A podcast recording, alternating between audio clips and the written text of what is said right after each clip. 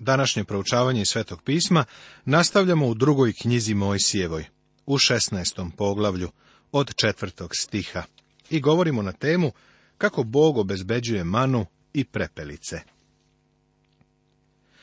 Bog nije imao nameru da dopusti da njegov narod umire od gladi. Njegov plan je bio da ih provede kroz pustinju, a obećao je da će brinuti za njih. A gospod reče Mojsiju, evo učinit ću da vam daždi iz neba hleb, a narod neka izlazi i kupi svaki dan koliko treba na dan, da ga okušam hoće li hodati po mome zakonu ili neće.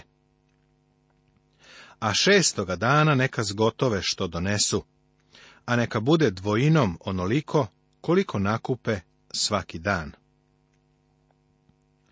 I reče Mojsije i Jaron svim sinovima Izraeljevim, doveče ćete poznati da vas je gospod izveo iz zemlje Misirske. A sutra ćete vidjeti slavu gospodnju, jer je čuo viku vašu na gospoda.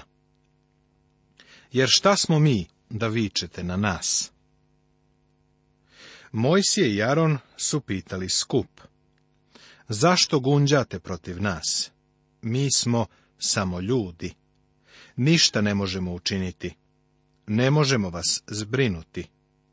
Bog je čuo vaše gunđanje, pa ćete vidjeti slavu Božju.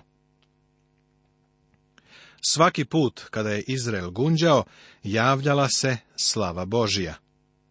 Ovo nam govori o tome da Bog ne voli napetost, pritužbe, zanovetanja među hrišćanima. Crkva je puna hrišćana koji imaju pritužbe. Ako si u crkvi u kojoj moraš da gunđaš, da se žališ, da si napet, onda bolje idi na neko drugo mesto. I reče Mojsije, doveče će vam gospod dati mesa da jedete, a ujutru hleba da se nasitite, jer je čuo gospod viku vašu, kojom vičete nj. Jer što smo mi? Nije na nas vaša vika, nego na gospoda. Treba da budeš vrlo pažljiv kada se hvataš u koštac sa stvarima vezanim za crkvu. Da li si nezadovoljan propovednikom, jer nije onako prijateljski raspoložen kako smatraš da treba da bude, ili zato što se nije rukovao sa tobom posljednje nedelje, ili zato što te u posljednje vreme nije posećivao, da li gunđaš zbog njega? Da li ti u stvari osjećaš otpor prema njemu prosto zato što on poučava Božju reč i Boži je predstavnik u vašoj crkvi? Ponekad i mi propovednici gunđamo, ali svi treba da pazimo da ne gunđamo protiv Boga. To je nešto što Bog ne voli. I reče Mojsi Aronu, kaži svemu zboru sinova Izrailjevih, Pristupite pred gospoda jer je čuo viku vašu. A kad reče Aron svemu zboru sinova Izraeljevih, pogledaše u pustinju i gle, slava gospodnja pokaza se u oblaku. I gospod reče Mojsiju govoreći, Čuo sam viku sinova Izraeljevih. Kaži im i reci, doveče ćete jesti mesa a sjutra ćete se nasititi hleba i poznaćete da sam ja, gospod, Bog vaš. I uveče doleteše prepelice i prekriliše oko, a ujutru pade rosa oko okola. Bog je Izraelcima dao ne samo manu, nego je poslao i prepelice. Stavili su prepelice na tost ili na manu i baš su se dobro najeli. Opis i sakupljanje mane Mana je služila Izraelcima za održavanje života, dok su putovali kroz pustinju. A kad se diže rosa, a to po pustinji nešto sitno okruglo, sitno kao slana po zemlji. I kad videše sinovi Izraeljevi, govorahu jedan drugom, šta je ovo? Jer ne znadijahu šta beše. A Mojsije im reče, to je hleb što vam dade gospod da jedete. To je zašto zapovedi gospod, kupite ga svaki dan koliko kome treba za jelo, po gomor na glavu, po broju duša vaših. Svaki neka uzme za one koji su mu u šatoru. Izraelci su trebali da sakupljaju samo onoliko mane koliko im je bilo potrebno za jedan dan i učiniše tako sinovi Izraeljevi I nakupiše koji više, koji manje. Pa meriše na gomor i ne dođe više onom koji nakupi mnogo, niti manje onom koji nakupi malo, nego svaki nakupi koliko mu je trebalo da jede. Proždrljivac nije sakupio više nego što mu je bilo potrebno. I reče i Mojsije, niko da ne ostavlja od toga za sutra. Ali ne poslušaše Mojsija, nego neki ostaviše od toga za sutra, te se ucrvlja i usmrde. I rasrdi se Mojsije na njih. Tako ga u svako jutro, svaki koliko mu trebaše za jelo, a kad sunce ogrevaše, tada se rastapaše. Manu je trebalo sakupljati svako jutro svaki čovek je trebalo da je sakuplja. Ovo je moralo biti lično iskustvo. Mana govori o gospodu Isusu Hristu kao o hlebu života. Jovanovo evanđelje, poglavlje šesto, to potvrđuje. Reče im Isus, zaista, zaista kažem vam, nije vam Mojsije dao hleb sa neba, nego vam moj otac daje istiniti hleb sa neba jer Boži hleb je onaj što silazi sa neba i daje život svetu. Tada mu rekoše, Gospode, daj nam svagda taj hleb. Reče im Isus, ja sam hleb života. Ko meni dolazi neće ogladneti i ko veruje u mene neće ožedneti nikada. A u šesti dan nakupiše hleba dvojinom, po dva gomora na svakoga, i dođoše sve starešine od zbora i javiše Mojsiju. A on im reče, ovo kaza gospod, sutra je subota, odmor svet gospodu. Što ćete peći, pecite, i što ćete kuhati, kuhajte danas, a što preteče, ostavite i čuvajte za sutra. I ostaviše za sutra kao što zapovedi Mojsije, i ne usmrde se, niti beše crva u njemu. Bog će dan za danom obezbeđivati manu, ali pre subotnjeg dana trebalo je da sakupe mane dovoljno za dva dana. Mana predstavlja gospoda Isusa Hrista, koji je hleb života, koji je sišao sa neba da da svoj život za svet. Isus Hristos je pravi hleb. On je onaj koji nam daje život i hranu. U petoj knjizi Mojsijevoj, u osmom poglavlju, u četvrtom stihu, vidimo da za vreme 40 godina koje su Izraelci proveli putujući kroz pustinju, noge im nisu otekle. Jedan misionar lekar mi je rekao da jedan od razloga koji izazivaju oticanje nogu na orijentu jeste nepravilna ishrana. Zanimljivo je da je mana posjedovala sve vitamine koji su sprečavali oticanje njihovih nogu dok su ovi putovali kroz pustinju. Mana je bila adekvatna za zadovoljenje njihovih potreba. Subota se daje Izraelu. I reče Mojsije, jedite to danas, jer je danas subota gospodnja, danas nećete naći u polju. Šest ćete dana kupiti, a sedmi je dan subota, tada ga neće biti. Subota je data Izraelu pre formalnog davanja zakona. I dom Izraeljev prozva taj hleb mana, a beše kao seme korijandrovo, belo i na jeziku kao medeni kolači. Kako bi ti opisao manu? Teško je objasniti. Bila je to divna hrana, koja je sadržavala sve hranljive sastojke koje su Izraelu bile potrebne. Imala je ukus, po mom mišljenju, kakav god da su želeli. Bila je to vrlo uzbudljiva hrana, ali je ona svetina počela da se žali. U četvrtoj knjizi Mojsijevoj, u knjizi Brojeva, u 11. poglavlju četvrti i peti stih, zapisan je događaj koji će nam pomoći da pravilno razumemo manu. A svetina što beše među njima beše vrlo lakoma, te i sinovi Izraeljevi stadoše plakati govoreći, ko će nas nahraniti mesa? Opomenu smo se riba što smo u misiru za badava, i krastavaca i dinje i luka crnoga i beloga. To je toj svetinji nedostajalo u pustinji, daleko od egipatske zemlje. Spisak hrane koja im je nedostajala je hrana koja je rasla na zemlji ili pod zemljom. Bila je to hrana bez prave hranljive vrednosti, kao što su krastavac, dinja, luk crni i beli. Kad ovo jedeš, prijatelju, ne činiš ništa naročito dobro. Neko jednom rekao jabuka dnevno i nema lekara, ali jedan luk dnevno, oko tebe nema nikoga. Ovo su stvari koje jedu ljudi ovoga sveta. Oni ne zadovoljavaju čovekove potrebe jer su samo začini.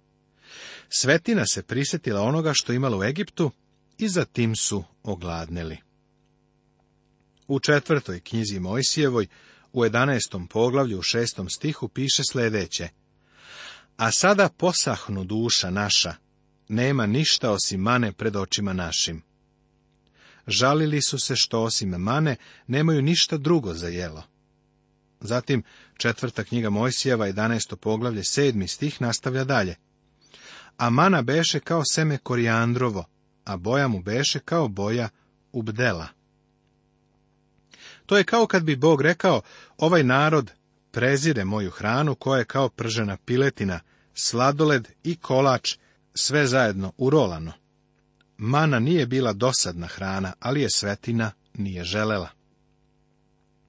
Četvrta knjiga Mojsijeva nastavlja i kaže, i izlažaše narod te kupljahu i meljahu na žrvnjima ili tucahu u stupama i kuvahu u kotlu ili mešahu pogače, a ukus joj beše kao ukus od novog ulja.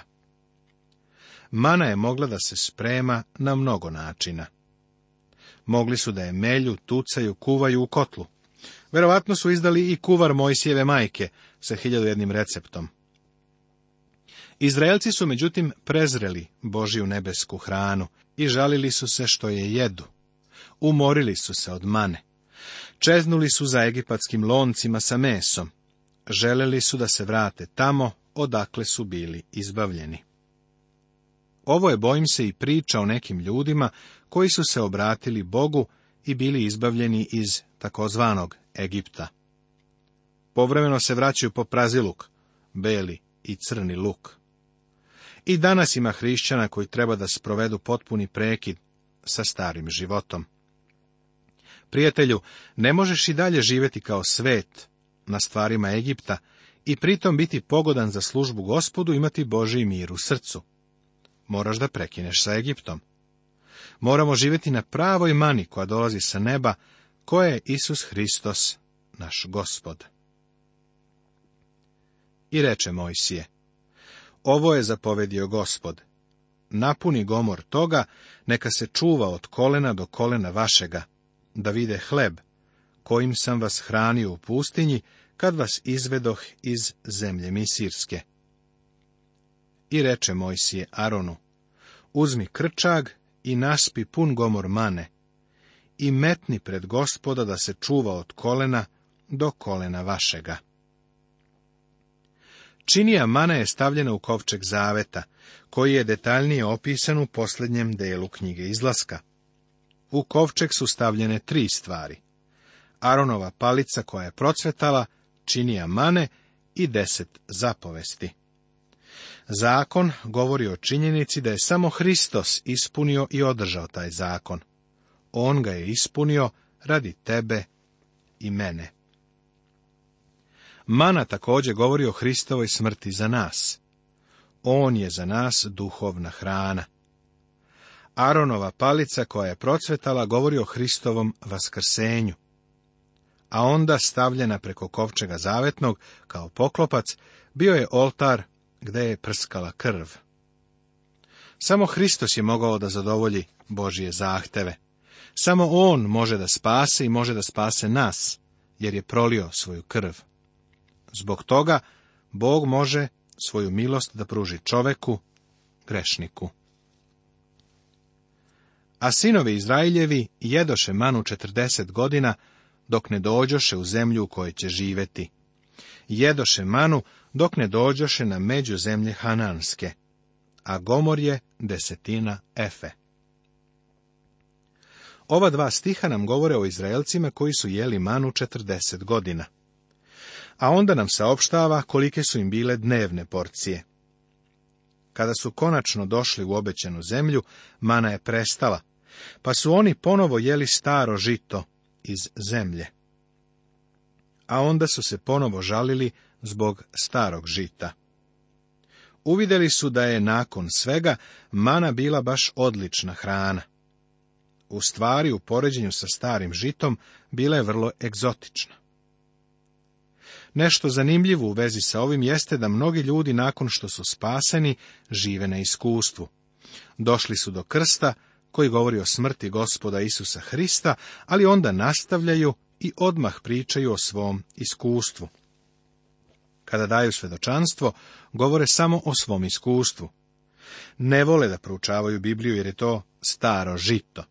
To je Božja reč kojom gospod želi da budemo nahranjeni. Ako još nisi okusio manu, predlažem ti da dođeš Hristu i da probaš. Psalam 34. u osnom stihu kaže, ispitajte i vidite kako je dobar gospod. Blago čoveku koji se uzda unje.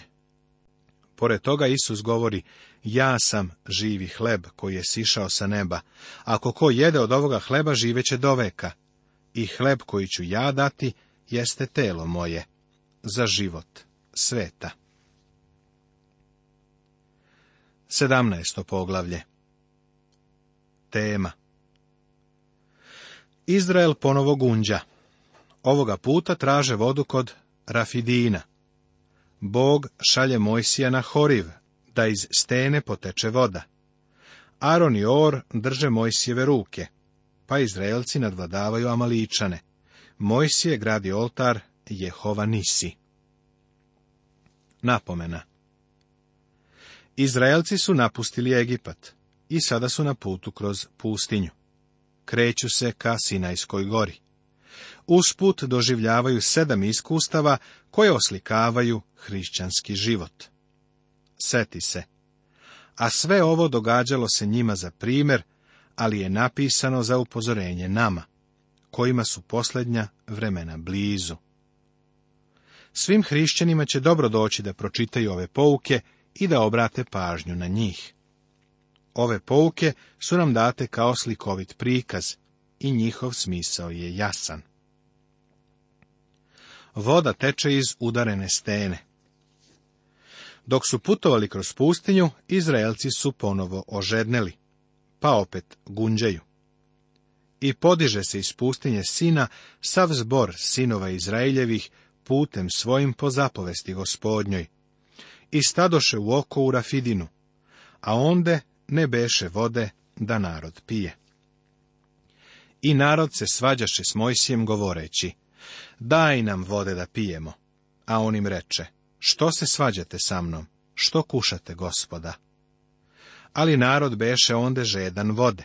Te vikaše narodna Mojsija i govoraše, zašto si nas izveo iz Misira, da nas i sinove naše i stoku našu pomoriš žeđu? Izraelci su stalno imali pritužbe. Imaju neku potrebu i odmah počinju da se žale. Bog velikodušno zadovoljava njihove potrebe. Onda iskrsne nešto drugo, pa oni opet počinju da vape, da se žale i pronalaze mane. Mnoge crkve su u istom duhovnom stanju, iako smatraju da izvanredno stoje. A Mojsije zavapi ka gospodu govoreći, šta ću činiti s ovim narodom? Još malo pa će me zasuti kamenjem. Ovde je Mojsije verovatno bio spreman da svoj posao preda nekom drugom. Mojsije je ljut zbog izraelskog gunđanja obrati pažnju na to kako će se Bog pobrinuti za Izrael. A gospod reče Mojsiju, prođi pred narod i uzmi sa sobom starešine Izraelske i štap svoj kojim si udario vodu uzmi u ruku svoju i idi. Ovo je štap koji je Mojsiju dat pri povratku u Egipat. Taj štap je bio simbol i pečat Mojsijevog autoriteta i moći a ja ću stajati pred tobom onde na steni na horivu, a ti udari u stenu i poteći će iz nje voda da pije narod, i učini je tako pred starešinama izraelskim.